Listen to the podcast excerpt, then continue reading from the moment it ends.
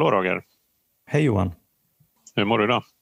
Eh, jag mår ganska bra. Eh, som jag avslöjade innan vi började spela in här så hade jag en liten parfymincident mm. i badrummet precis innan jag gick in hit. Krossade en flaska mot golvet. Klarade mig utan skador dock, som många fotbollsspelare verkar ju skada sig genom att de trampar på trasiga parfymflaskor. Men jag klarade mig. Men det luktar väldigt mycket. Och gott. det luktar gott. Ja. Nej, så att eh, jag fick be eh, Jenny att ta hand om det där för att jag skulle hinna in hit till poddinspelningen. Det var ju tur att du hade en bra ursäkt då. ja, precis. precis. Nej, men så det är väl bra. Hur är det med dig? Eh, ja, men det är ganska bra. Jag eh, ägnat såklart en hel del energi och, och, och, fokus den här veckan åt det här återfallet som, som min nära vän tog här i, i början av veckan. Och det var ju precis det vi pratade om i förra avsnittet. Så mm. Det ligger fortfarande ganska färskt där och gör ju också att ja, men det här samtalet känns viktigare än, än någonsin och att vara nära programmet känns viktigare än någonsin. Um, helt enkelt för att jag vet att jag behöver det så mm. oerhört mycket. Jag ser ju vilka konsekvenser det skulle kunna få för mig och mitt liv om jag inte fortsätter vara nykter. Så att jag har verkligen sett fram emot det här samtalet uh, av, av flera anledningar. Så jag tycker att vi, uh, vi väntar inte längre utan vi, vi välkomnar Jakob Freiman in i samtalet. Välkommen Jakob! Tack så mycket Johan! Kul att vara här och hej Roger! Hej! Hej hej! hej. Hur, hur mår du? Jo, men jag mår bra. Jag, det, jag tycker sånt här är schysst att dela med mig om, om min, min väg och sådär och inspirera och förmedla hopp och, och det här forumet också med, med behandling och, och tillfrisknande och sådär. Mm. Så det känns bra. Underbart. Ja, men verkligen tack för att, tack för att du tar dig tid. Ja, så lite så. Föra budskap vidare. Mm. Ja, exakt. Bra grej. Ja. Ja. ja. verkligen. Du kan väl berätta lite grann om, eh, för lyssnarna vem du är? Ja, nej, men jag, eh, som sagt, mitt namn är Jakob Freiman och jag är född i Chile. Jag eh, kommer från en, en trasig barndom, eh, rotlös, alltså flyttat runt där sen som liten, mycket trauman och kom till Sverige när jag var sju år. Eh, min pappa var livstidskriminell och, och åkte i fängelse, fick en livstidsutvisning, skilsmässa, eh, skola, problem liksom. Utanförskap, eh, bott i ett, eh, alltså bor fortfarande, men, men jag kommer med från eh, segregationen så här om man säger så. Och, och lite sån här och idag så, men, men jag har ändå lyckats liksom ändra på mitt liv och, och via tolvstegsprogrammet och, och eh, vår gemenskap och KRIS och, och allt det här och människor. Idag så är jag grundare till KRIS Södertälje och eh, jag är även förbundsordförande för Unga KRIS Sverige. Tvåbarnspappa får man inte heller glömma. Det är jätteviktigt. Mm. Mm. Ja, fan vad fint.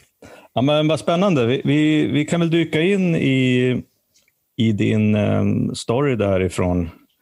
Vad som hände där. Hur det var innan, innan förändringen. Ja, jo, nej men eh, som jag berättade så, så är jag ju från Chile från början och eh, jag kom ju till Vallentuna faktiskt när, när vi flyttade till Sverige. I Chile så, så var det sådär att eh, mina föräldrar, de var, eh, det var ju på den tiden det var statskupp i Chile och sånt där. Och, och vi flyttade runt mycket och det var militärer och hemma hos oss och letade efter min pappa och min mamma och då flyttade vi och, och bodde hos släktingar. Och, och eh, vi, jag har ju två systrar också, en stora syster och en lilla syster och de delade upp oss och sånt där. Och, och eh, och det, det skapar ju massa otrygghet i, i barn och, och eh, i mitt fall så blev det mycket liksom att jag tog med mig det eh, i vuxen ålder och sånt där och, och skapade den här Eh, rotlösheten och, och otryggheten och, och som sen har det liksom det har lett mig till många mörka platser och, eh, och mycket liksom dysfunktionella beteenden och sånt här. Och, eh, men, men i det här med, jag minns när vi kom till Sverige så hade jag och mina systrar och sånt där varit ifrån varandra ett tag. Så att sen när vi skulle resa till, för min pappa han flyttade först till Sverige, Eh, cirka, jag vet inte om det var ett halvår, ett år innan och så. Eh, och sen efter kom vi då, vi, och då åkte vi själva. Min mamma hon blev kvar. Vi hade några som så tittade till oss som också skulle till, eh, till Sverige då. Men när vi, vi hade ju blivit av med alla våra dokument och sånt här, papper och sånt hade försvunnit för att det varit mycket så här husrannsakan och militär och poliser och sånt där. Och, så jag har ju aldrig sett heller en bild på mig själv som liten. Det finns inga sådana bilder. Och i detta så tog vi faktiskt eh, en bild eh, när vi, när vi, för att de skulle göra pass på oss och då vägrade vi släppa varandra. Så här, jag och mina två systrar och sånt. Så det, jag har ett pass där hemma när vi håller om varandra och vi vägrar släppa. Så de gjorde ett, ett gemensamt pass faktiskt. Mm. Jag gjorde de det? Vad fint. Ja, ja, så att det, och, och då blir jag påmind liksom om det här. Liksom att, eh, vi, den där, vi, vi har ju ändå starka band och sånt där. Jag, mina syskon och, och min familj. Så där, och, och det betyder ju väldigt mycket för mig. Men eh, det har ju också varit att eh, i, i, min familj med så har det kanske inte varit som alla andras familjer och sånt där. Och det märkte jag sen när jag blev lite äldre och sådär. Det kan vi mm. komma in på. Men hur, hur, hur var det sen då? Jag tänker på det, på det. Har du någon sån här känsla för vad var det som, vad var det som kom först sen då? Kriminaliteten eller missbruk? Eller var de liksom Kom de samtidigt? Eh, nej, alltså missbruk och kriminalitet fanns ju runt omkring mig för att mina familjemedlemmar, min pappa och min farbror och min faster, och de höll ju på med kriminella, alltså kriminella handlingar och sånt där och gjorde affärer och sånt. Och, så att, eh, och jag minns också när jag kom till, till eh, jag har, ju, alltså jag, jag har förstått någonstans i äldre dagar och så här att jag jag har inte så mycket minnen från själva när vi bodde i Chile. Jag har lite fragmentminnen och sånt där och det är ju mycket som jag har tryckt alltså ner och sånt där för att det har varit traumatiskt för mig och sånt där. Och, eh, så jag har ju inte så mycket minnen från Chile, men sen i Sverige så minns jag mycket tydligare allting och, och det, det, var ju för att jag kanske var tillsammans med, med, min, med min farmor och, och min pappa och jag vet inte, sen blev jag ju äldre med och, och sådär. Men jag har i alla fall förträngt den här Chile-tiden och sådär.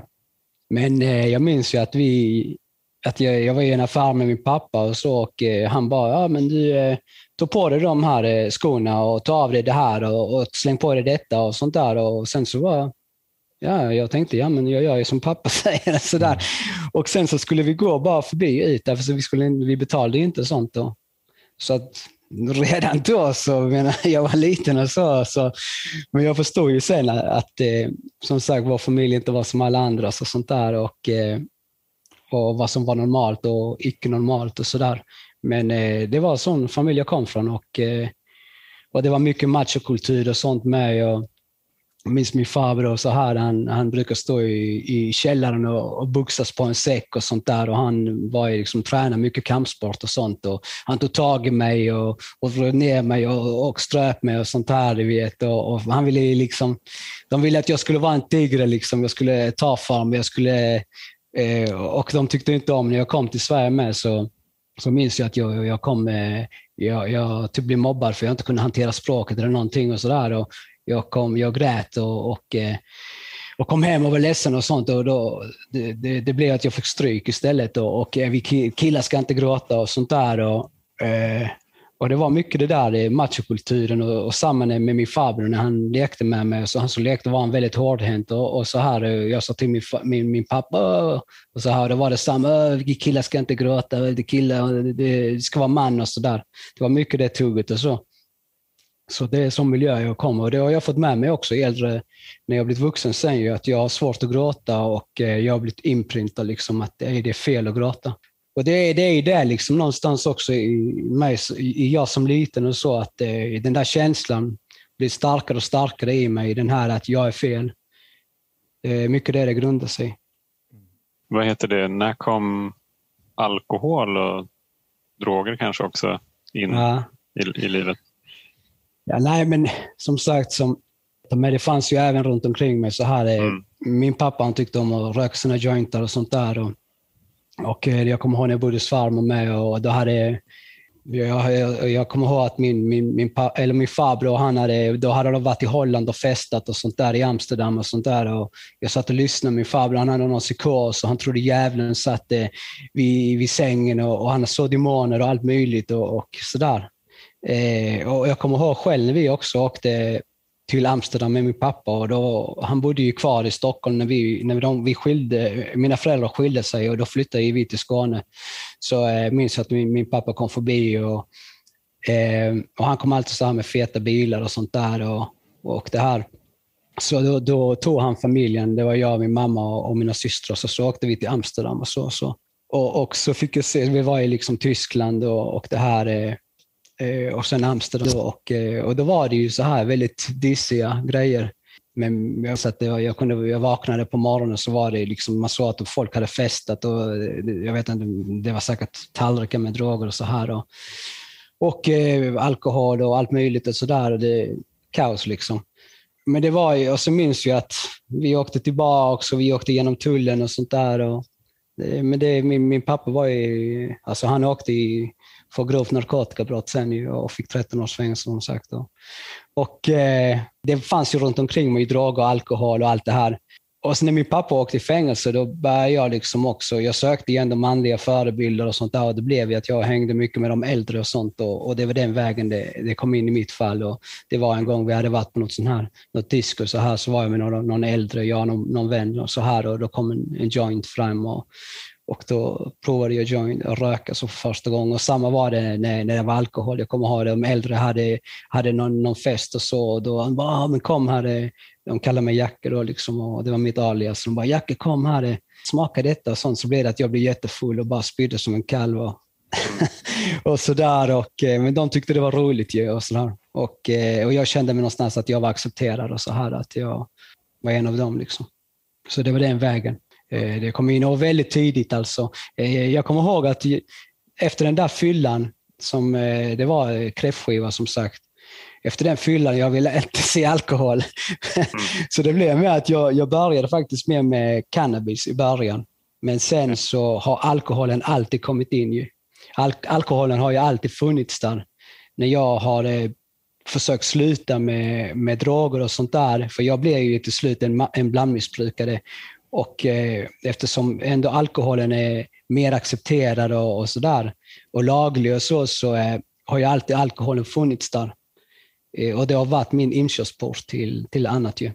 Eh, alltså så det har ju varit att jag tappar ju allting och, och jag, jag är ju missbrukarmänniska så långt i, ut i fingerspetsarna. Så att, och jag har ju aldrig druckit för det är gott eller jag har druckit för att jag för att jag eh, någonstans, eh, eh, jag vet inte, för att jag, jag, jag övertalade mig själv att jag skulle ha roligt och så här och att det skulle liksom så här, men det var, jag drack inte därför, jag drack för att jag ville, liksom, ville, ville bli berusad. Jag ville eh, alltså någonstans trycka ner allt det här som inte jag orkar med. Mm. Och, och så där. Vad heter det, jag har en fråga. När din pappa åkte in i fängelse mm. för narkotikabrott, hur gammal var du då? Vad, vad tänkte du om det då?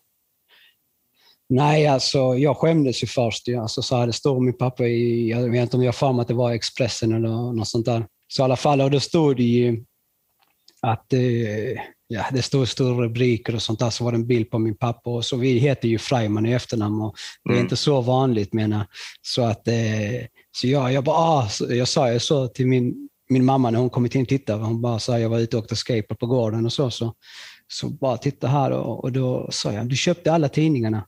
Och sen så sprang jag upp och sånt och, och eh, ville inte gå till skolan och jag skämdes jättemycket och jag trodde att alla skulle reta mig. Din pappa sitter i fängelse och sådär. Men sen kom kuratorn och pratade med mig och mina systrar och sa det att nej, men det är inte förklara för någon, men det är inte ert fel ju. Det är pappa som har gjort fel och inte ni och sånt där. Ingen, kom, ingen kommer reta och sånt. Då. Men sen så blev det, fick det omvänd effekt, för när jag besökte min pappa i Kumla sånt, så, så ville jag bli som han. Ju. Jag tänkte, jag tänkte precis på det, fråga dig liksom om du, när du var i den här åldern, om du hade, alltså såg du din framtid då som liksom macho, kriminell missbrukare eller hade du liksom några andra drömmar? Jo, jo men absolut. Jag, jag ville bli skateproffs, jag ville bli rapstjärna. Jag ville, jag ville, men jag tyckte om det här extrema och så här. Jag har någonstans alltid haft också en artistisk sida. Jag har ju också ADHD och jag har andra diagnoser och sånt där. Och, och någonstans så, så tyckte jag det var jobbigt att gå i skolan med för att eh, alltså det var ju kaotiskt hemma hos mig Alltså, och det påverkade min skolgång och så här. Och jag hade, alltså, visst har jag, hade jag drömmar och sånt och, och eh, det hade jag ju, men jag, jag vet inte, jag gav upp och sånt. Och, men det var inget så här att jag skulle liksom någonting med, jag tänkte inte så här, men jag måste plugga klart och så för att eh, jag ska ha slutbetyg och sånt. Det var inte så jag tänkte. Jag levde mer för dagen. Och jag hade inga, alltså, äldre dag så blev det att jag hade inga framtidsdrömmar och, och alls till slut. Och jag såg mig inte själv åldras och jag såg mig inte själv få barn eller någonting. Jag bara tänkte det här, det här är mitt liv. Liksom. Och, och det är här och nu. Hur, hur, gammal var du då, när, när livet var så för dig? Alltså, det, det, ju, det tog ju en, en tid att bli livstidskriminell och, och alltså, som liten var det ju mer alltså, alltså snatteri och, och inbrott i kiosker och allt sånt här. Och sen så blev det ju inbrott i bilar och sen så tog vi bilar istället och, och sen så var det smash and grab och sen var det ju alltså mycket grövre, alltså misshandeln blir grövre och sånt här och det var tillhygg och, och sen så till slut blir det ju ens verklighet och sen så till slut så, så mm. går man beväpnad och och så är man inne i det och i detta med så, så blir det ju att det är en sån miljö, det finns droger där hela tiden. Och, och jag sa ju till mig själv i början när jag, röka, när jag rökte hasch och marijuana och sånt där, jag kommer aldrig ta något annat. Men Nej. så blev det ju inte för mig. När, när jag, en grej som jag var, eh, jag, jag sålde ju droger också sådär så att eh, så jag blev ju det. Jag, jag bröt det här. Don't, don't get high on supply. Det, jag sa till mig att jag måste prova allt. Liksom och, och, men jag var ju, jag var ju mer en, en neråt-människa. Jag tyckte inte om så mycket så här uppåt-grejer. Jag sålde ju amfetamin och så med mig. Jag, det var inte någon drog jag tyckte om. och så där. Jag tog det några gånger. Jag blev jätteparanoid. Jag stod och kollade i flera dagar i, i fönster och hörde röster och allt möjligt. Så jag var mer neråt-människa. Så där. Men alkohol har ju som sagt alltid funnits där. Och Eh, det har ju alltid, ja, när, jag, när jag har bytt droger och så har jag tänkt att jag ska dricka alkohol, jag ska dricka några öl bara. Och jag har aldrig tyckt att det är roligt att dricka tre öl eller fyra öl. Jag, jag köper ett helt flak och, kan, och mm. gärna ett flak till. alltså så. Och sen efter det så måste jag ha lite kokain eller, eller något annat. Liksom och, och alltså det, det, jag, hade, jag har ju förstått också det att jag, jag tog ju mycket droger för att fly. Alltså, jag kunde inte liksom, mitt känslopaket och, och jag, det här är, jag hade svårt med, med, med känslor och sånt där. Och, och jag hade svårt med separation och jag hade svårt med allt det här som jag burit på som liten. Så, du, jag har en fråga. Mm. Ehm, som livsstilskriminell då, alltså, hur känns det? Tänkte du så här att jag kommer aldrig åka dit eller jag kommer åka dit men det är okej? Okay? Eh, och hur, liksom, hur, för jag har ju aldrig varit där i den positionen, så jag vet inte. Du pratar om paranoia till exempel. Jag kan tänka mig att man blir jävligt liksom, på sin vakt hela tiden och, och eh, sådär. Hur, hur, är det liksom att vara i ett sånt liv? Ja. Nej, men alltså någonstans i början så, så tyckte jag, alltså, jag tyckte det var häftigt och sådär. Och, och, och, jag kände ju någonstans att, jag, att folk respekterade mig. Och, fast jag har ju förstått det också, det var, det var inte mycket respekt egentligen. Det var egentligen att de fruktade Det är skillnad på respekt och frukta. Liksom. Mm. Men, eh, om man bar vissa tröjor och sånt här, om man kom med en gruppering och sånt, och då fick man gå före i kön och allt det här. Och det är den här utvaldheten. Och, det, blir det uppstår ju konflikter och man trampar folk på tår och man gör liksom fula grejer gentemot andra och eh, man utsätts själv för saker och ting. Och I mitt fall så var det ju mycket pengar som var driv också, för jag kommer liksom, mamma gick på SUS och det var inte så att ja, vi var rika, vi bodde i ett utsatt område, eh, vi fick vi syskonen, jag fick min stora systers kläder ibland och sånt, du vet. Och jag hade inte direkt några fina märkeskläder och sånt där när jag, när jag liksom var liten och så. Och, eh, jag ville ha det där. Jag ville ha, alltså, jag ville ha den nyaste telefonen och allt det här. Jag ville ha liksom, saker och ting. Jag ville ha mitt. Och, så jag, min drivkraft var ju mycket pengar för min del. Och sen var det ju också, jag är en kickmänniska med, så jag någonstans mm. fick jag adrenalin också. Och jag, jag har ju sökt mig till sådana här, jag har åkt skateboard, jag har hoppat ut för bunny jump och jag har gjort massa grejer sådär liksom. Och, och jag fick en kick av detta, för det är ju det också, man, man kickar ju varandra så här bara när man kanske sitter i en bil och det finns vapen och, och man ska göra någonting och sånt här. Och, och man hör hög musik och boom, boom, man, man liksom så det, jag, jag var ju en kickmänniska med så här, men, men sen eh, så kom allt det andra, liksom, alla konsekvenser och sånt. Och det är inte så jävla roligt eh, när, när man blir inlåst och eh, det är häktningsförhandlingar och, och, och, allt det här. Liksom, så att, eh, det är baksidan av, av det här myntet ju. och den är väldigt mörk och så här. Och man får ta mer och mer droger på det också för att orka till slut se sig själv i spegeln. Men tänkte du att det var liksom oundvikligt att du skulle hamna där? Eller trodde du att du skulle klara dig? Nej, alltså någonstans så förstår jag ju det. Alltså jag, jag, jag märkte att flera flera av mina vänner åkte i fängelse och sånt och vissa, män, vissa av mina vänner kom ut från fängelse och sånt här. Och, mm. Så jag vet ju att jag, jag förstod ju det. Jag hade kommit till acceptans med det också någonstans, att jag, jag kommer ju åka dit och sånt där. Men visst, det blir ju en rått och kattlek och så här med polisen. Man lär sig också vilka, vilka civilarna är och sånt. Och de är, jag blir punktmarkerad också. Och det blev att jag, de tog liksom, de stoppade mig, de fotade mig, de stoppade bilen jag åkte med, de stoppade, de stod med poliser utanför min lägenhet, de stoppade människor som kom ut därifrån. Och, och, och du vet, jag sprang runt i källarna och sådär. Och, och sådär. Och, eh, och jag sa till min flickvän, liksom, stoppar de oss i en bil så eh, så säger du detta och detta och detta och samma sak om, om, du, om de kommer hem till dig så säger du detta och detta, detta är mm. mitt liksom och sånt där. Och, och så var det ju och men att till slut blir ledsna ju människor med för de kan ju inte umgås med dig hela tiden bli stoppade polis om de inte är samma som dig. Så, mm. eh, den här tjejen jag träffade då, hon ledsnade till slut med och så här och hon flyttade ju till Malmö och eh, eh från, bort från mig. Så där, eh, mm. Och eh, för att det blev för mycket. De, de stoppade ju henne hela tiden. De gjorde husrannsakan hos henne, hos mig och, och, de stoppade när hon kom med sin bror och han är icke-kriminell och sånt där. Och de gjorde, alltså gick igenom bilen och, och massa grejer och sånt där. För det är så polisen jobbar ju. De vill ju störa så att man tycker det är jobbigt att vara kriminell. Och det, det, är, det funkar ju absolut. Man tycker till slut att det är jobbigt. Mm. Eh, och det är så de ska jobba ju. Det ska ju inte vara lätt att vara kriminell. Men det var ju sådär, men visst, jag, jag, någonstans så så visste jag att jag skulle också åka i fängelse. Eller, mm. Och jag kom till en acceptans med det, vet, att jag, jag tänkte att det, det, det, får bli vad det blir och, och, det är lugnt. Dör jag så dör jag också. Jag kom till en, mm. en punkt också i mitt liv där jag inte brydde mig om jag... För det var många av mina vänner med som gick bort och så. Mm. Men det, det, är ju det är väldigt spännande att höra, tänker jag. Och när man lyssnar på det nu, mm. och liksom vi, vi kan tre personer kan observera du, dig då. Så här, mm. var, var, varför slutade du inte? Liksom, är ju en, en fråga som, som kommer. Det, det är ju alltså vägbilarna, om du vet den där. Mm. Den där, Att man gör samma misstag om och om igen och det här med vansinne. Mm. Det, det, det är ju det alltså. Mm. Alltså hela tiden så vill, jag sa till mig själv, för att jag vill inte heller vara en narkoman, för det är en svaghet i den världen där jag kommer ifrån. Mm. mm. Alltså, du, du, vill, du vill inte vara en pundare, en smutsig luffare och sådär. Det är så man pratar om missbrukarmänniskor mm. och sånt där. Fast man säljer droger till dem och sånt där. och man tar droger själv också, du vet. Ja. Men man är ingen smutsig plum, eh, pundare. Jag, jag, har, jag har kontroll. Mm. Och, det, och min, en av mina drivkrafter i, i mina kriminella tankemönster det är ju makt och kontroll och sådär. Och, mm. och avskärmning och allt det här. Och, och massa rättfärdigande hela tiden. Eh, men så, så eh, hur, hur var den frågan? Vänta.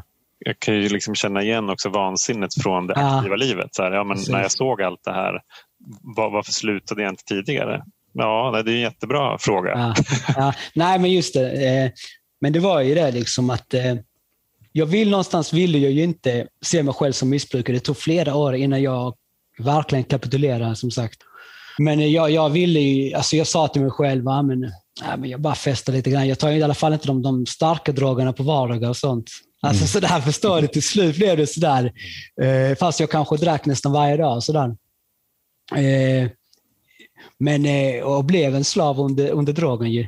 Eh, men jag sa till mig, jag är ingen missbrukare. Och, eh, och, men det, hela tiden så kanske det var en separation, en tjej jag var tillsammans med och, och det tog slut eller något sånt. Jag kunde inte hantera det känslomässigt och då knarkade jag igen. Och, och gick på krogen och, och, hamnade i slagsmål och så här. Och då fick jag liksom... Och, och så där var det. Jag, det är ju självskadebeteende också. Det var det för mig också.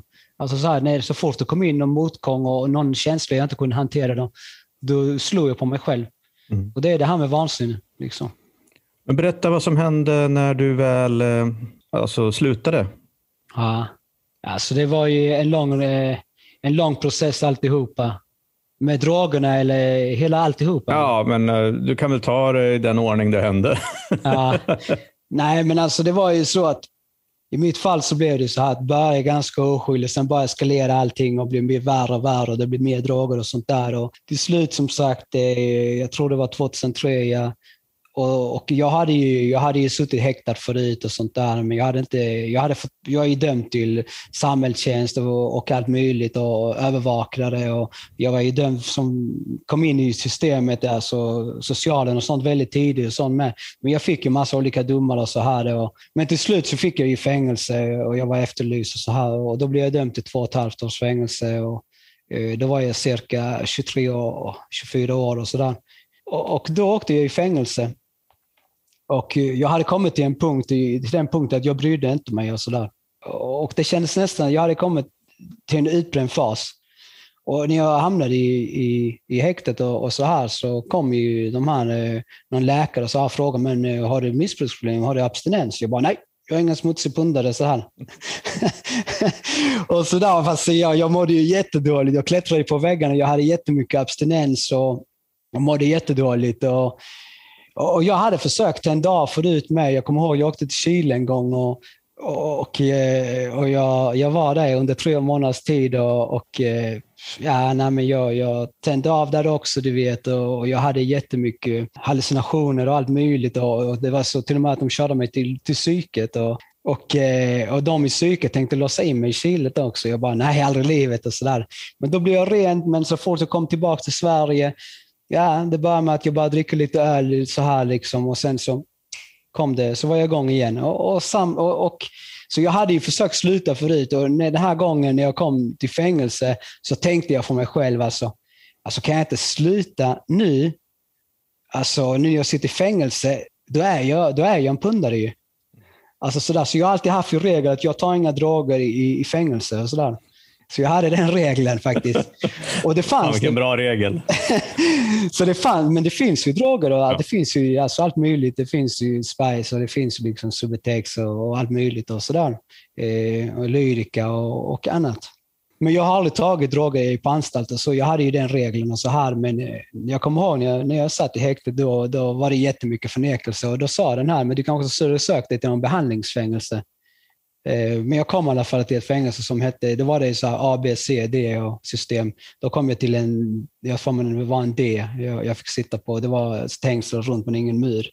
Eh, och, eh, och då satt jag på Berga i Helsingborg. Och, och där hade de motivationsavdelning och sen så fick man komma till andra, andra, jag var på motivationsavdelning och sen så fick jag komma upp till den andra och det var någon sorts behandling och där hade de vågat välja, nej, Jo, våga välja. Det var ju typ den behandlingen. Då. Det, det är ju en behandling som vården erbjuder.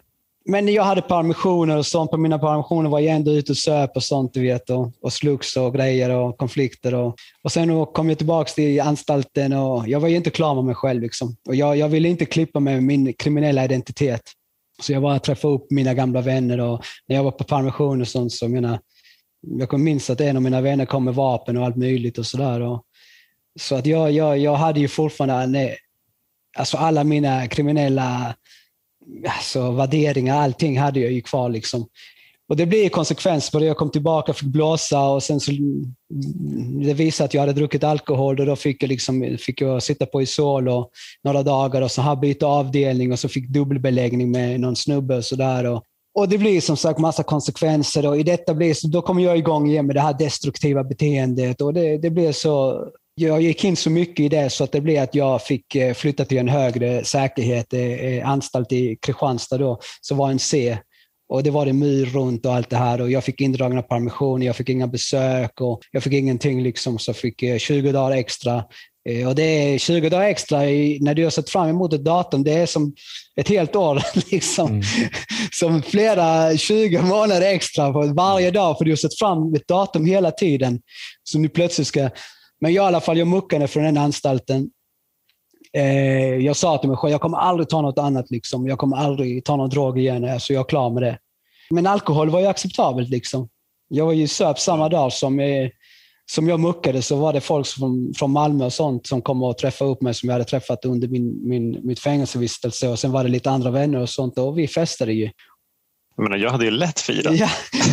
så, och komma ut ur fängelset. Ja. Så jag var, ju, jag var ju tillbaka i det där och jag gick och träffade upp mi, mitt gamla gäng och så här och mina gamla vänner och så. Mm. Så att, eh, och, vi hamnade i slagsmål och allt det här igen, som, som, som vanligt. Ja. alltså så här, mot, mot folk och sådär. Och det, då var det igång igen. Men däremot så, hade jag, så sa jag till mina vänner att nu har jag skaffat ett jobb och, jag är förlovad, jag var förlovad med en tjej då, så här, och jag har skaffat ett jobb, hennes pappa har anställt mig och så här och han äger en chark och så. Och eh, han kände till min bakgrund och så. Så jag sa det och jag gick till mitt jobb och sånt, men sen så kom helgerna och då skulle jag åka in och träffa mina vänner och festa igen och så här. Och I början visste höll ett tag att jag drack bara alkohol. Men sen så kommer det in liksom, ja, någon som har kokain och så här och jag tänker, äh, nu ska, då rättfärdigar jag det eller när jag är berusad med bara, äh, fan, jag kan ta lite kokain, det är lite finare. Och sen är det igång igen. Mm. Sen är det igång igen, jag återföljer brott igen och sånt här. Och det var våld mot tjänsteman och hot och eh, vapenbrott och allt möjligt och så här. Och, och jag, jag höll på att få fängelse igen då. Eh, men som tur så hade jag ju ett jobb och det, min chef kom och vittnade och sa att ja, det är väl synd om att han ska förlora sitt jobb om man åker in. Ge han en fotboja eller något sånt här. Eller någon alltså, samhällstjänst tror jag också två gånger.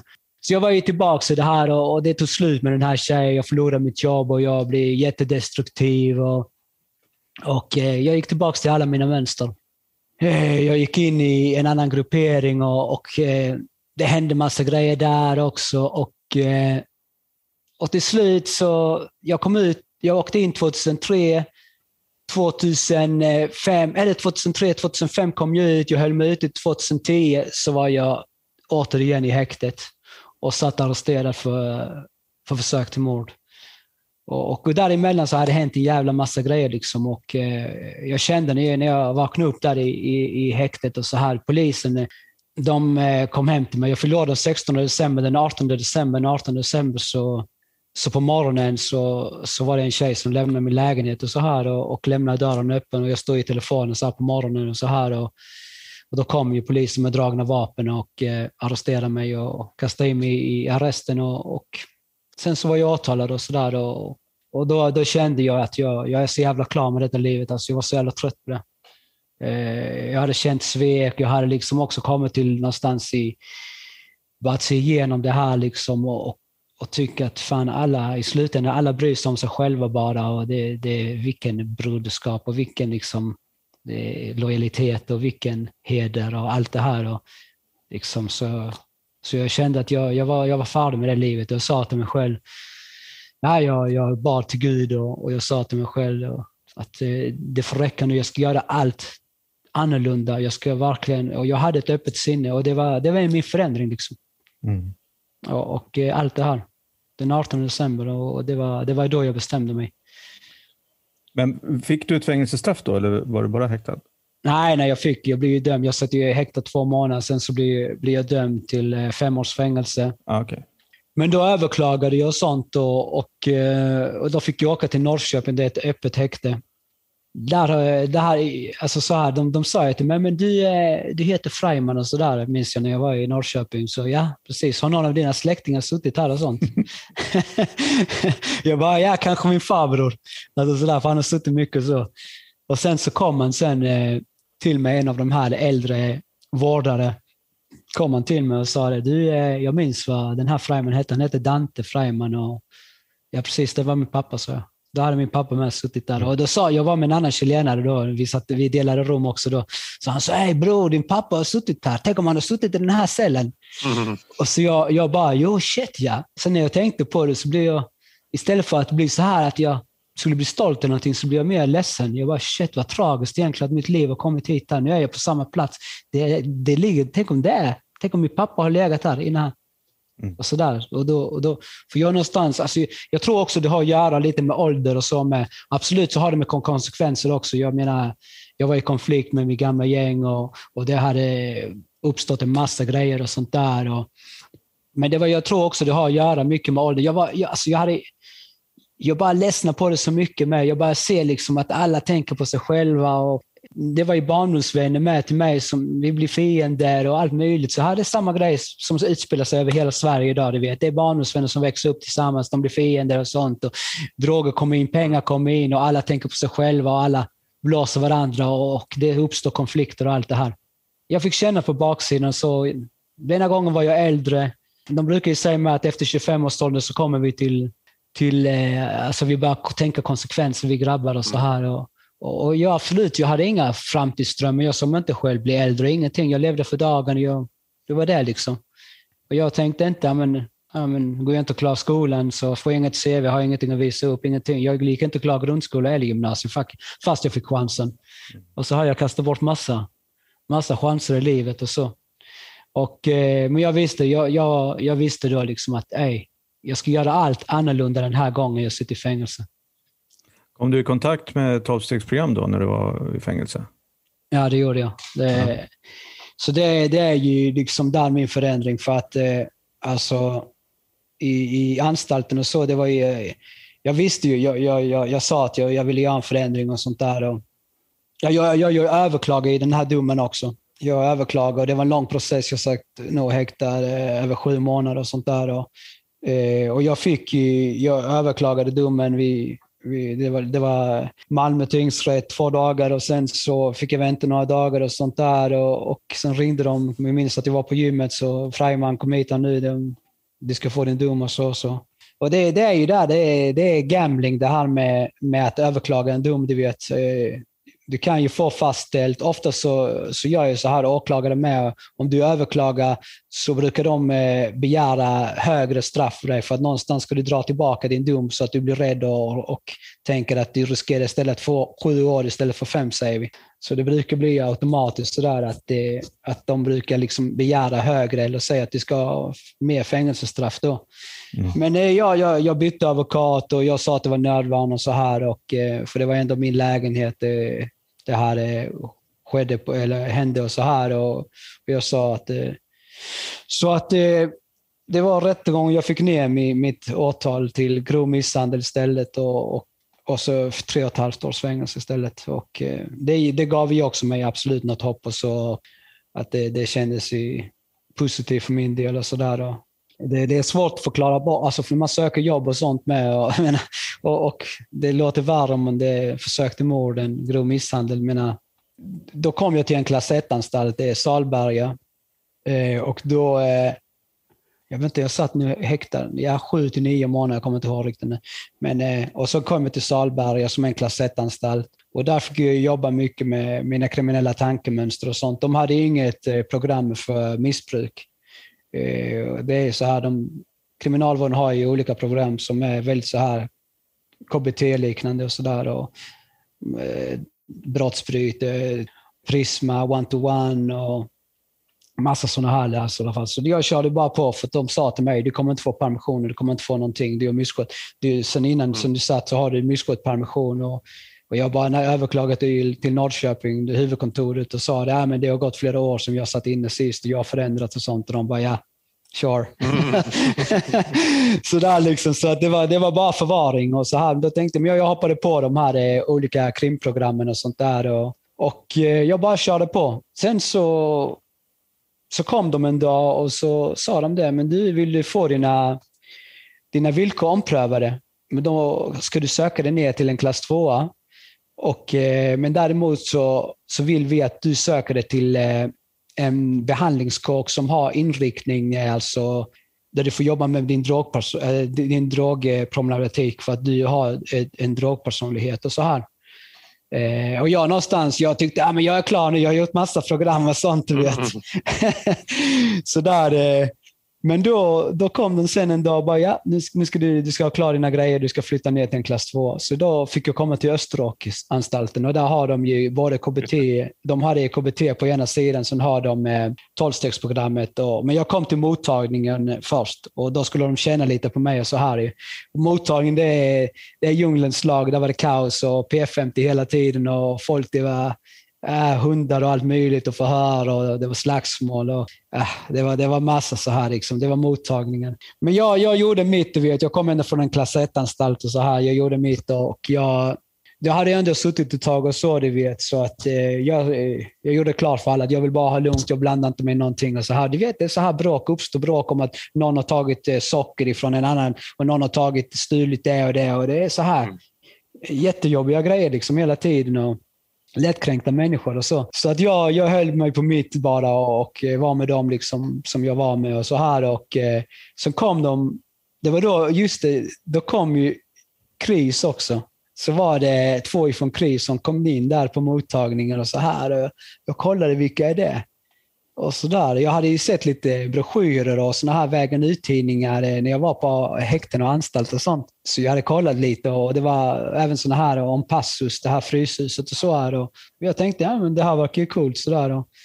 Ex-kriminella som hjälper varandra och sånt här. Och gamla gängmedlemmar och missbrukare och allt det här. Och visst, det, det var inget så här att jag, jag tänkte bara att det, det var väl bra sådär. Men sen eh, när de kom här, de här, så, så minns jag så var det en som hette Micke Närstedt och, eh, och en annan kille då. Jag kollade sådär, jag frågade och grabbarna bara, vilka är detta då? det är de här jävla krys, jävla golare och misslyckade, misslyckade kriminella och sånt där, du vet. Eh, och det är så med den kriminella livsstilen och så här kriminella tankar. Det är ju mycket sånt här. Man har ju, så fort något avviker från det, liksom, det är fiende och sådär. Så att, eh, men jag, jag är inte sån, du vet, jag, något jag har lärt mig ända när jag sitter i, i fängelse, så att jag lyssnar inte på all, allt. Liksom och så här, jag bildar mig egen uppfattning, det är så jag är som människa. Så jag, jag snackar med de här och, och du sa en annan till mig, han bara, du vet den här och den där andra har jag när han var aktiv och han var helt galen och så här, du vet, det är ett mirakel att han lever här. Och, och han eh, såg ju härdad ut och, och, att han hade varit igenom mycket, gått igenom mycket och sådär. Så att eh, det var där lite jag började prata med Chris och så. Och, och i detta med så kom ju två terapeuter till mig. Och eh, de, de sa till mig, de, de, de ville ha ett samtal med mig. Det var en terapeut som hette Börje och jag minns inte den andra. Jag vet inte om det var, om det var Åsa eller någon annan, så här, men det var i alla fall två terapeuter. Och så här. Så jag tog dem in i ett rum och så började de fråga mig. Och, ja, men, ja, vi ser här att du har liksom gjort mycket program i, på Salberga som du har varit på. Och sånt här. Vi, eh, och vi ser här också att, eh, känner du till Tolvsteg? och sånt? Så jag, jag bara, eh, visst jag hade ju mina författade meningar vad jag tyckte om tolvsteg. Jag hade haft vänner som hade varit eh, och gjort tolvsteg på anstalt eller på en behandlingshem och så hade han kommit tillbaka så var de skittråkiga. Och, bara och, och, de, och de bara pratar Gud, du vet. Oh. Alltså, så att eh, det var mina förutfattade meningar. Så jag direkt började jag liksom så hala mig och så här. Jag bara, uh, manipulativ som jag var, så här. Så jag bara, nej men du, jag håller på med Prisma nu och det är inte riktigt klart, eller one-to-one eller sånt vad jag håller på med. Mm. Och de bara, nej men vi tycker att uh, du kan lägga det åt sidan och så vill vi att du ska prova det här. Det är, vi kör ett intro här på uh, mottagningen och, och vi sitter i grupp. det är lite andra grabbar och så med och vi tycker att det kan vara ett bra sätt för dig att prova. Och jag var okej, okay. ja men låt mig tänka på det. Så gick jag tillbaka till avdelningen och så sa grabbar, är det här tolvsteg, hur är det? Och sånt. Och de bara, det är bara skit och jävla sekt och la la la. Sådär, du vet. Jag var okej, okay, okej. Okay. Sen så, eh, men när jag sökte mig till Salberga, eller från Salberga till Österåker, då kollade jag först, liksom, är det bra gym? Mm. Är, det, är det bra kiosk? Eh, det var, alltså sen till slut där att de hade program och så, men det var liksom det som var viktigt. Gymmet och, och kiosken och, och sådär. Och eh, det här ute, man kunde vara ute någonstans. Mm. Så när jag kom till mottagningen, jag bara, vad fan är gymmet någonstans? Så var det bara ett litet rum med typ tre maskiner. Jag bara, det här var gymmet, så, då grabbarna sa att det var ett stort gym. De bara, nej det är andra sidan. Det är på andra sidan, det är KBT och tolvsteg. Det är de som har tillgång till gymmet. Det är gymmet. Mm. Så jag, jag bara, här ska inte jag bli kvar, jag ska även till gymmet. Så då pratade jag med några andra och sådär. De bara, nej men alltså, de bara, nej bror, lyssna inte på dem och sånt. Du vet, de har blivit skickade runt hela anstalten för att de har misskött sig. Men du snackar om att du vill gå till gymmet och du har lite längre tid du vet, eh, än oss här. Och så här, det är kanske bättre att du går över dit och så får du tillgång till det här. Och jag bara, ja det har du rätt i. Och 12 steg, det är ett bra sätt att komma dit där. Mm. så sen när jag, när jag träffade dem igen, de här terapeuterna, jag bara okej, okay, vi kör då. Eh. så tolvstegsprogrammet var alltså ett steg på vägen till gymmet kan man säga? Precis, precis. Ja, fasen, ja. Eh, fake it till you make it, eller hur ja, var det? ja. uh, nej, så att... Eh, Nej, men ni kanske vill säga någonting? Jag bara pratar på. Nej, jag, jag funderar på, eh, Under den här tiden sen du blev häktad då, 10, eller i december, 18 december 18 2010, december, ja. Då höll du ifrån droger när du var inne på anstalt också? Ja. Ja. Mm. Det gjorde Okej. jag ju. Det är därför jag har varit nykter och dragit från sen Ja. det datumet. Ju. Jag, Men hur, hur, hur var det att göra det liksom utan tolvstegsprogrammet? Alltså hade du något, var det jobbigt när du var inne på anstalt eller, eller lyckas du liksom isolera dig själv så mycket att du gör foka på, liksom, på dina program och dina grejer så att det inte blir jobbigt? Alltså, de hade ju inte tolvstegs på, eh, på häktet. Eller, och det var mycket förvaring. I häkte får man inte träffa mycket. Så jag satt ju häktad lång tid med och sådär. Så att jag, eh, då var då är dagarna mycket kortare och så med. Och då, och så där. Jag, jag var helt in, då, då när jag var i häktet så var jag helt fokuserad på min rättegång. Mm. Det var inte en tanke på att jag vill ha droger. Liksom. Alltså sådär, jag var bara fokuserad på rättegången och så här.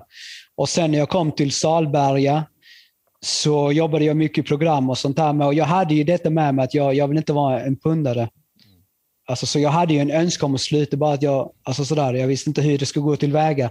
Och sen när jag gick in, så jag fick gå ner i klass så kom jag i kontakt med tolvsteg eh, på Österåker. Och då började jag att gå på de här eh, intro, eller vad det heter.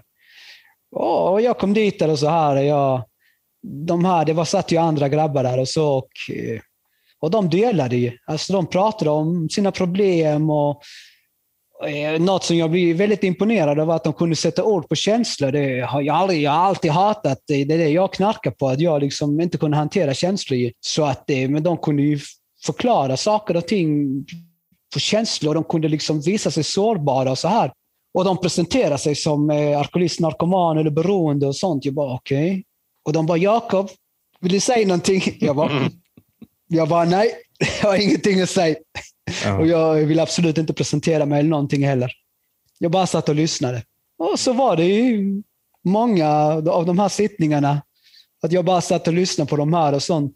Men något jag kunde, alltså, jag kunde känna igen mig mycket i deras delningar. Så ibland så kom jag, satt bara, jag var så inne i deras delningar så jag bara kände så här nästan kalla kårar. Alltså runt ryggraden och så här. Jag bara, är det mig de pratar om? Alltså så.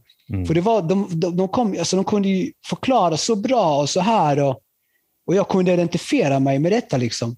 Att deras, alltså, jag bara shit alltså, vad är det här? Och så här. Och sen så började jag ju själv, eh, ja, först, jag vet jag minns inte exakt när, om jag började presentera mig som alkoholist, narkoman eller beroende. Jag tror beroende.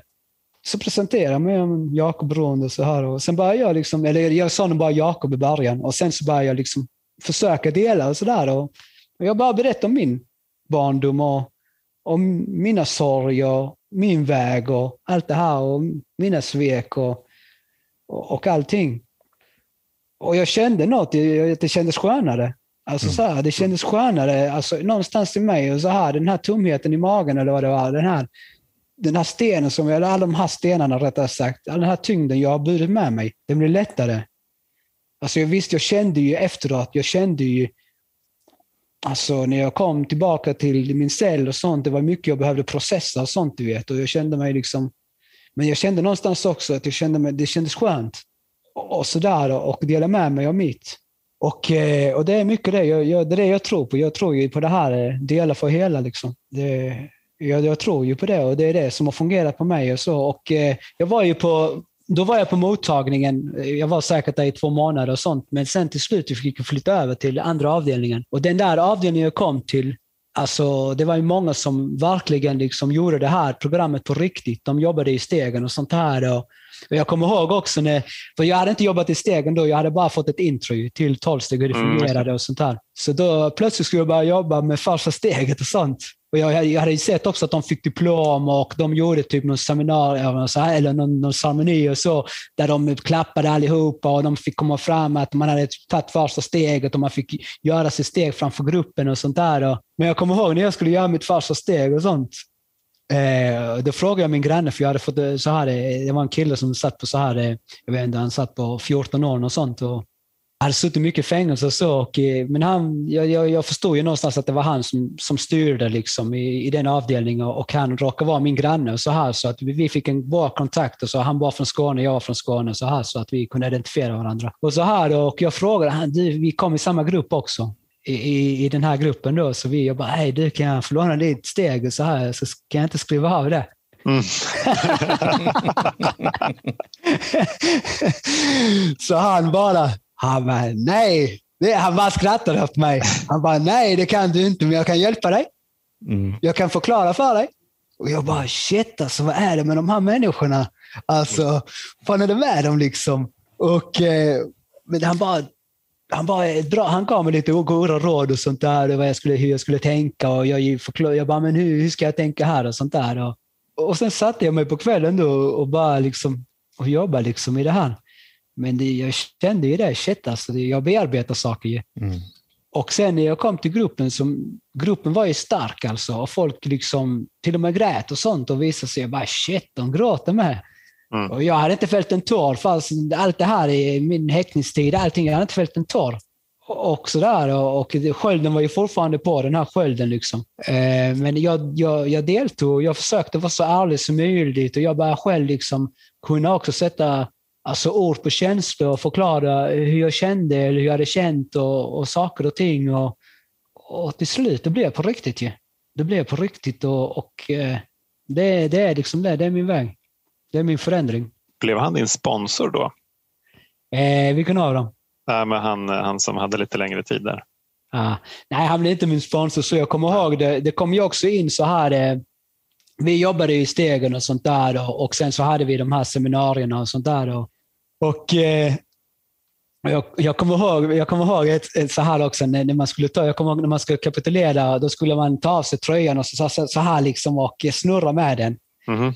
Och det fick aldrig jag göra när jag och Det skulle vara framför, framför liksom allihopa. Så. Då skulle man ta av sig och så att man kapitulerade. Då hade man liksom tagit första steget. Och jag kommer, och jag kommer ihåg, det var en, en, en kille då, han var lite yngre än oss och sånt. Och han, var, han, var, han var liksom ny och sånt. Du vet. Och, eh, och vi skojade, man skojade med varandra. Och sånt, så vi bara, du eh, bror, fan, du vet du ska ta av dig tröjan och sånt här. Och du ska snurra så här. Shit vad hårig du är för bröstet och sånt. Du vet. Eh, du kanske ska raka dig och sånt kanske ska raka någonting och skriva någonting så här när du gör sådär, du vet. Mm. Och, och, och, så vi lurade i han, du vet, och raka och jag tror han skrev någonting och sånt där. Och när han gjorde så han bara, grabbar vad ni... Alltså, sådär. Det, det var massa så här skoj med så här, men, men det blev i alla fall på riktigt. Då, och, eh, och det var samma sak det här med när det det kom ju in droger med Jag tror att det, folk bara, alltså det var vissa som lämnade så positiva på Subutex och så. Och det blev ju det blev mycket inlåsningar, det blev förhör och allt möjligt. Och, och det var ju vi, vi, jag var en av dem också som gjorde det här på riktigt. Alltså, så att det, det blev ju att eh, man var några stycken, liksom, man visste ju inte vilka som höll på. Då gick man in några stycken grabbar till hans cell och sa, allvarligt talat, om du vill hålla på med det så kan du liksom söka dig till en annan avdelning istället. Alltså, istället för att vara här och ställa till det för oss som verkligen vill göra en förändring på riktigt. Så mm. att eh, de packade sina grejer och sen så, så flyttade de och sådär. Så att gruppen var ju stark och höll, och det, det är då det fungerar, när gruppen liksom håller ihop och så. Mm. Så att eh, vi ville göra det för riktigt och det gjorde vi. Och, och eh, men det var, det var det här liksom och eh, i detta med så träffade jag ju KRIS, hade jag fortsatt att ha kontakt med KRIS och sånt och de började snacka också. De, de gav ju mig, det var, jag kommer ihåg det var Christer och Ali som var och också och besökte mig och sånt. Jag hade samtal med mig och, och de är ju tolvstegare också sådär, så att det, de sa det här, men du kan ju söka dig, nu när du är inne i det här med tolvsteg så kan du ju söka en vårdvistelse och söka dig till en behandlingshem. Och det kan bli lättare för dig också, för, du, för jag hade ju också kommit fram till att jag ville göra en geografisk flykt också. Så sa de, men du kan ju komma till oss sen så kan du få hjälp av oss och du kan, eventuellt få en, en praktikplats och det kan leda till arbete hos oss och sådär. Och, och sen sök dig dit, alltså få hjälp av dem i behandlingshem och sånt där så du kan liksom få en bostad och så. Och så kommer du ut på ett bättre sätt. Och då började jag kolla på det också. Och jag, jag, jag sökte om permissioner och sånt där. Och, och, och, jag vet inte, det var många, jag kan tänka mig att mina terapeuter och sånt med och, och eh, även han, jag hade en kontaktman, en vårdare som hjälpte mig och han trodde ju på mig. Idag så är han död och så, men, eh, men han trodde verkligen på, på att jag för att jag på riktigt gjorde detta och det gjorde jag också. Så han kämpade för mig, för mig också. Och, eh, och till slut fick jag en permission. Fick en permission till ett behandlingshem i Ronna som hette Livskraft. Då. På den tiden fanns det en, en, en behandlingshem i Ronna. Och, eh, som också var tolvstegs... Eh, ja, ja, det var också tolvsteg. Och, och kriminalitet som livsstil och sånt där också. Mm. Det låter som att tolvstegs behandling var liksom en, en, en, integrerad och viktig del av, av själva behandlingen av, av människorna som var där. Ja. De, de som valde den vägen i alla fall.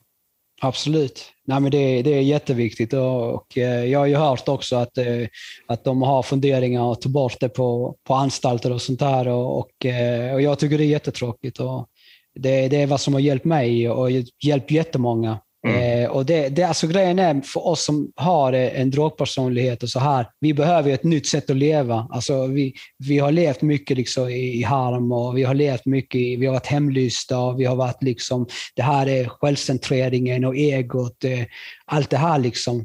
Vi, mm. kom, mm. vi har ju byggt upp, visst vi kanske kommer från dysfunktionella familjeförhållanden där vi har fått med oss en massa också, men i, i, i den där också, i allt det här, så har vi också fått en massa andra grejer liksom, och vi har blivit hatiska och så här, men i andliga principer får vi se liksom, ej, istället för att hata så älska, var förlåtande, var förstående, se din del, eh, töm din ryggsäck, eh, var ärlig alltså.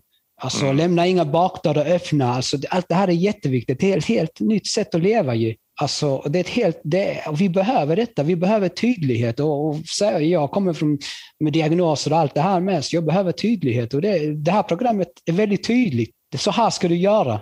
Och, och man hjälper varandra. liksom. Mm, ja, att, vilken eh, jävla resa. Ja. Och det var ju det här, jag kommer ihåg de, mina, det, jag, vill, jag, bara, men, jag, bara, jag var ju stressad. Ja, snart muckig och så här. Jag, jag får ingen vårdvistelse, jag får inga permissioner. De bara, gör rätt sak så kommer rätt sak mm. till dig. Jag bara, vad är det för flummeri? Du kommer, du, du kommer snart känna av sidovinsterna. Jag bara, vilka sidovinster? Sen till slut så fick jag, jag fick ju permission och eller jag fick en, en bevakad permission och jag åkte till Harry och det var ju ändå Ronna liksom och Ronna har ändå ett rykte så han jag såg möjligheter där och jag gick in i, jag var, det här, allt det här gjorde mig också mer ödmjuk i mitt sätt och, och tacksam som sagt. Och eh, jag var väldigt ödmjuk i det här sen och, och tacksam till allting och, och människorna runt omkring mig och jag är det idag. Alltså. Jag försöker inte sväva iväg. Det är jätteviktigt att tona ner mitt ego och allt det här mm.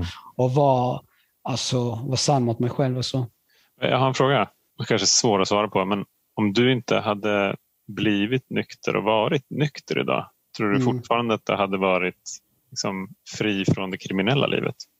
Absolut inte. Min, eh, min kriminalitet gick hand i hand med mig, att, att, det här, att jag mådde dåligt och, och eh, att eh, jag inte kunde hantera känslor och jag kunde inte hantera separationer, jag kunde inte hantera allt det här. Och, eh, så fort eh, jag fick motgångar i livet så behövde jag knarka, så jag behövde bedöva mig, jag mm. behövde stänga, stänga av. Och då blev jag ännu mer destruktiv. Och, så att mm. jag, jag, tror att jag hade suttit på en, alltså mycket längre fängelsestraff idag. Jag har ju vänner som sitter på livstid, så jag hade suttit på mycket längre fängelsestraff, eller så hade jag varit död. Jag är nästan helt säker på det. Och jag, har ju, jag har ju vaknat upp med slangar och jag har vaknat upp på sjukhuset och jag har befunnit mig i farliga situationer där jag har liksom kunnat dö och jag, jag har ju tagit överdos och så här. Och jag har ju mm. varit nära döden flera gånger. Det, det, det, låter ju spontant som en, som en dum idé att ta bort 12-6-behandling från, från anstalten då om det är någonting som, som också alltså det, dels såklart alltså hjälper med själva beroendet, beroende personligheten ja. men att det också är en nyckel för att, att hålla sig borta från det kriminella livet. Absolut. Nej, men det är jättetråkigt alltså. Och, eh, jag menar, de har vissa, jag har ju hört olika varför och sånt där, men de menar på att man, man ska bara ha KBT. Och ja, absolut, KBT är jättebra också, absolut. Och, men jag tycker det ena behöver inte utesluta det andra. Nej, och, och, jag har också hört det här argumentet också, att man säger att, eh, att det är för långt program, men då kanske man ska ha det på klass 1-anstalterna. Alltså så här för folk som sitter med längre fängelsestraff. Alltså så där de har ju all tid i världen och så, så att jag, jag, tycker det är ett dumt argument. Jag tycker det är jättetråkigt. Jag tror inte, jag tror inte på förvaring. Alltså jag tror på, på att man måste eh, få redskap och man måste liksom utvecklas som människa och man måste... Alltså när man väl kommer ut så har man någonting att luta sig på. Man behöver redskap som sagt. Mm. I mitt fall så var det tolvsteg. Eh, vissa, absolut, vissa kan förändra sina liv när de får barn och sånt där. Och vissa kan förändra sina liv när, mm, på grund av annat de hittar Gud och, och sådär och kyrkan. Och, I mitt fall mm. så, så behövde jag program, jag behövde redskap. Och absolut så har jag en, en, högre makt också att tacka för. Och hade det inte varit för min högre makt så hade jag inte levt idag som sagt. Då. Så allt det här, det, det är Guds eh, väg. Liksom, det är hans, det är inget jag har kontroll över sådär.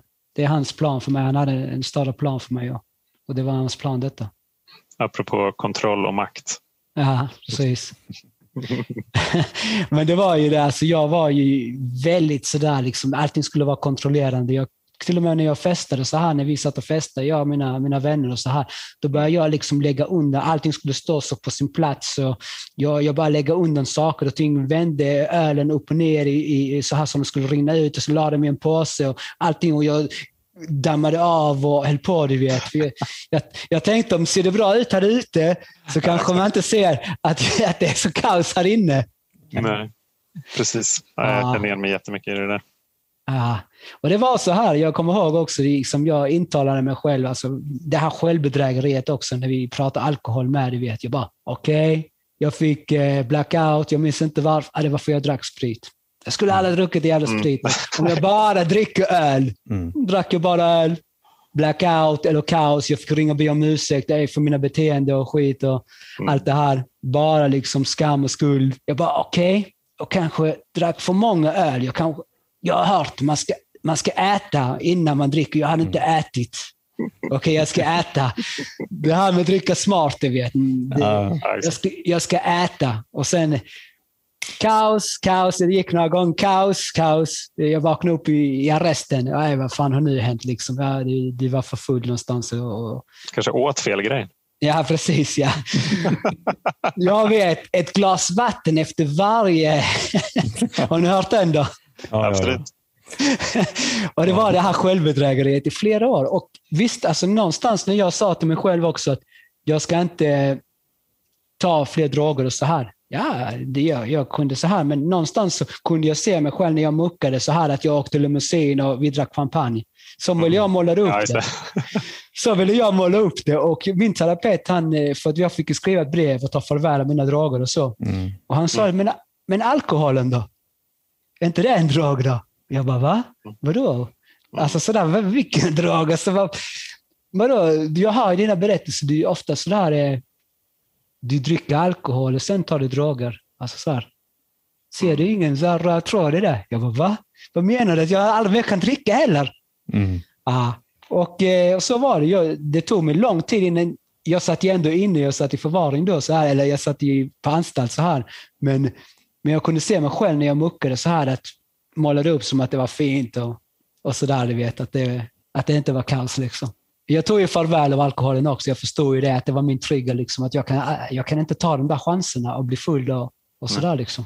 Men vad heter det, du, ehm, du fortsätter med 12 steg idag? Absolut, jag, jag lever i det. Mm. mm. Jag, jag, jag lever detta. Det, så jag, jag har aldrig slutat gå på möten och jag har sponsor. Och, och, eh, och, det, fan, det, så det, det, ger mig liksom energi och det, det ger, jag behöver höra vissa grejer vissa dagar och sånt. Jag börjar varje dag med att läsa bara för idag och eh, höra dagens text och så. Och, eh, det, det, det gör mig till en bättre människa. Och jag har ju jättemycket grejer liksom. Mm. Alltså det är jättemycket defekter som sagt. Väldigt, jag har massa defekter som jag försöker ja, avlägsna liksom och, och, inte vara i. Men visst, alltså, det finns ju någonstans den där rösten, det där, det där alltså missbruket, sjukdomen, diffen den finns mm. ju där och den vill ju någonstans att jag ska mm. gå tillbaka till det här destruktiva. Den vill att jag ska falla, den vill att jag inte ska kunna hantera mina känslor, inte ta hjälp av gemenskapen. Den vill ju lura mig någonstans. Så, så jag vet ju det. Jag kan inte gå alltså sådär på, i sommar och bara, ah, men jag kanske ska ta mig och dricka en öl, fan det ser så gott ut, kolla. Mm. jag kan inte göra det. Jag har inte satt min fot på en systembolag sedan jag blev häktad, sista mm. den 18 december. Mm. Det är över tio år. Mm. Underbart. Ja. Tack. Ja. Vi behöver um, börja runda av. Roger, vad, vad tänker du? Det är så skönt att få höra den här storyn. Och jag, eh, alltså, speciellt det där du säger på slutet nu också om programmet, att de här defekterna, mm. att vi hantera dem. Att det finns någonting som pockar på, liksom, medvetet eller undermedvetet, som vi behöver, behöver liksom hantera varenda jävla dag. Ja. Eh, och Sen så skulle jag kunna prata om din story och lite grann och hur länge som helst, framför allt. Eh, ja, men lite grann det som vi inte fått höra idag, liksom hur, hur, hur var det att komma ut?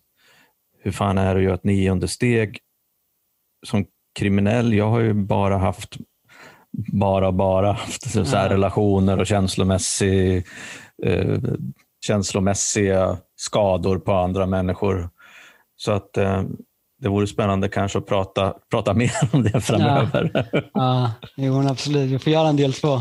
Ja, ja verkligen. Ja. Johan, Johan, vad tänker du på? Jag tänker på det här med destruktivitet.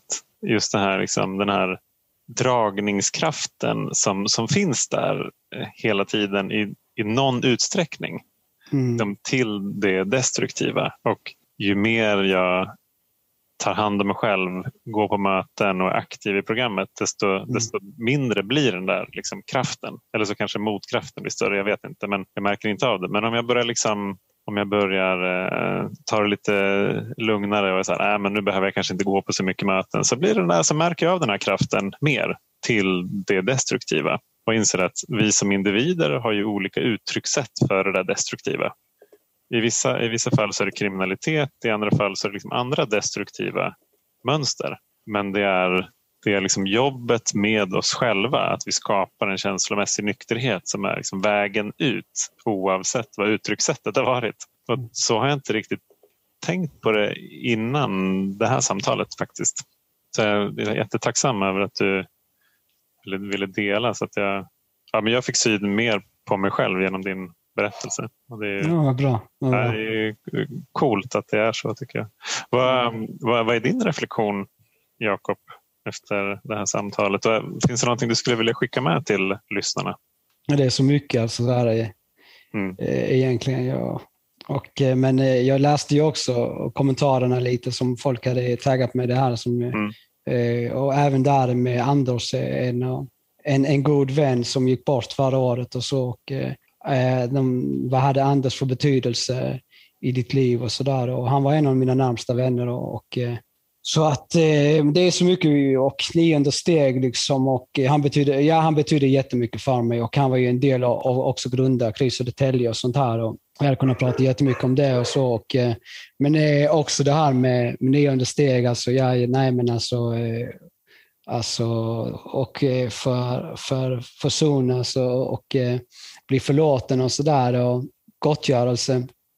Eh, ja, jag, jag, kan ju säga det här sista straffet jag fick också. Jag har ju gjort gottgörelse till den här människan också. Och, mm. och han, och, han förlät, och han förlät mig faktiskt. Och det var ett jättefint möte, och så, men det tog ju några år. Mm. Och så här, sen har jag ju, det jag försöker, därför jag också är i, i, i en sån här organisation där jag får hjälpa människor som är det. Jag försöker göra så mycket gottgörelse jag kan. Och jag tror ju på det konceptet och skicka att jag tror ju mycket på det du sänder ut får du tillbaka. Alltså sådär, och nu försöker jag sända ut god energi och göra bra saker istället för allt dåligt jag har gjort och sådär. Så det, men det, det är mycket, det är väl de tankarna så, men jag, jag försöker ju som sagt bara dela med mig av mitt och, och min väg och, och för kanske inspirera någon som är på väg in i det här livet eller har funderingar på att lämna det här livet som jag har mm. levt eller och så här. Och det är det. Då har jag gjort mitt. Mm. Ja, det var liksom en... Jag eh, måste gå och lägga mig och vila ett tag tror jag. ja. smälta, smälta, smälta storyn. Jakob, tack så jättemycket. Och eh, jag ja. tänkte så här, vi får nästan planera in en del två. Det får vi göra. Får vi göra. Det finns mycket att, eh, att, att gräva i. Och, ja, jag ställer upp. Det är lugnt. Mm. Okay, ja, men tack så mycket för att jag fick vara med och eh, jättebra att ni gör sånt här och till alla oss som, som har haft ett beroende eller som, de som håller på kanske mm. eh, lever i, i självbedrägeriet att de inte har ett beroende och så här. Och, så, så det är jättebra att lyssna på sådana här poddar och, och på sådana här historier. Mm. Verkligen. Mm. Underbart. Du, ta hand om dig Jakob. Roger, ta hand om dig också. Och alla, alla er där ute, ta hand om er och ha en, ha en riktigt fin helg så hörs vi nästa vecka igen. Kram. Okej. Okay. Bra. Hej. Hej. hej. hej.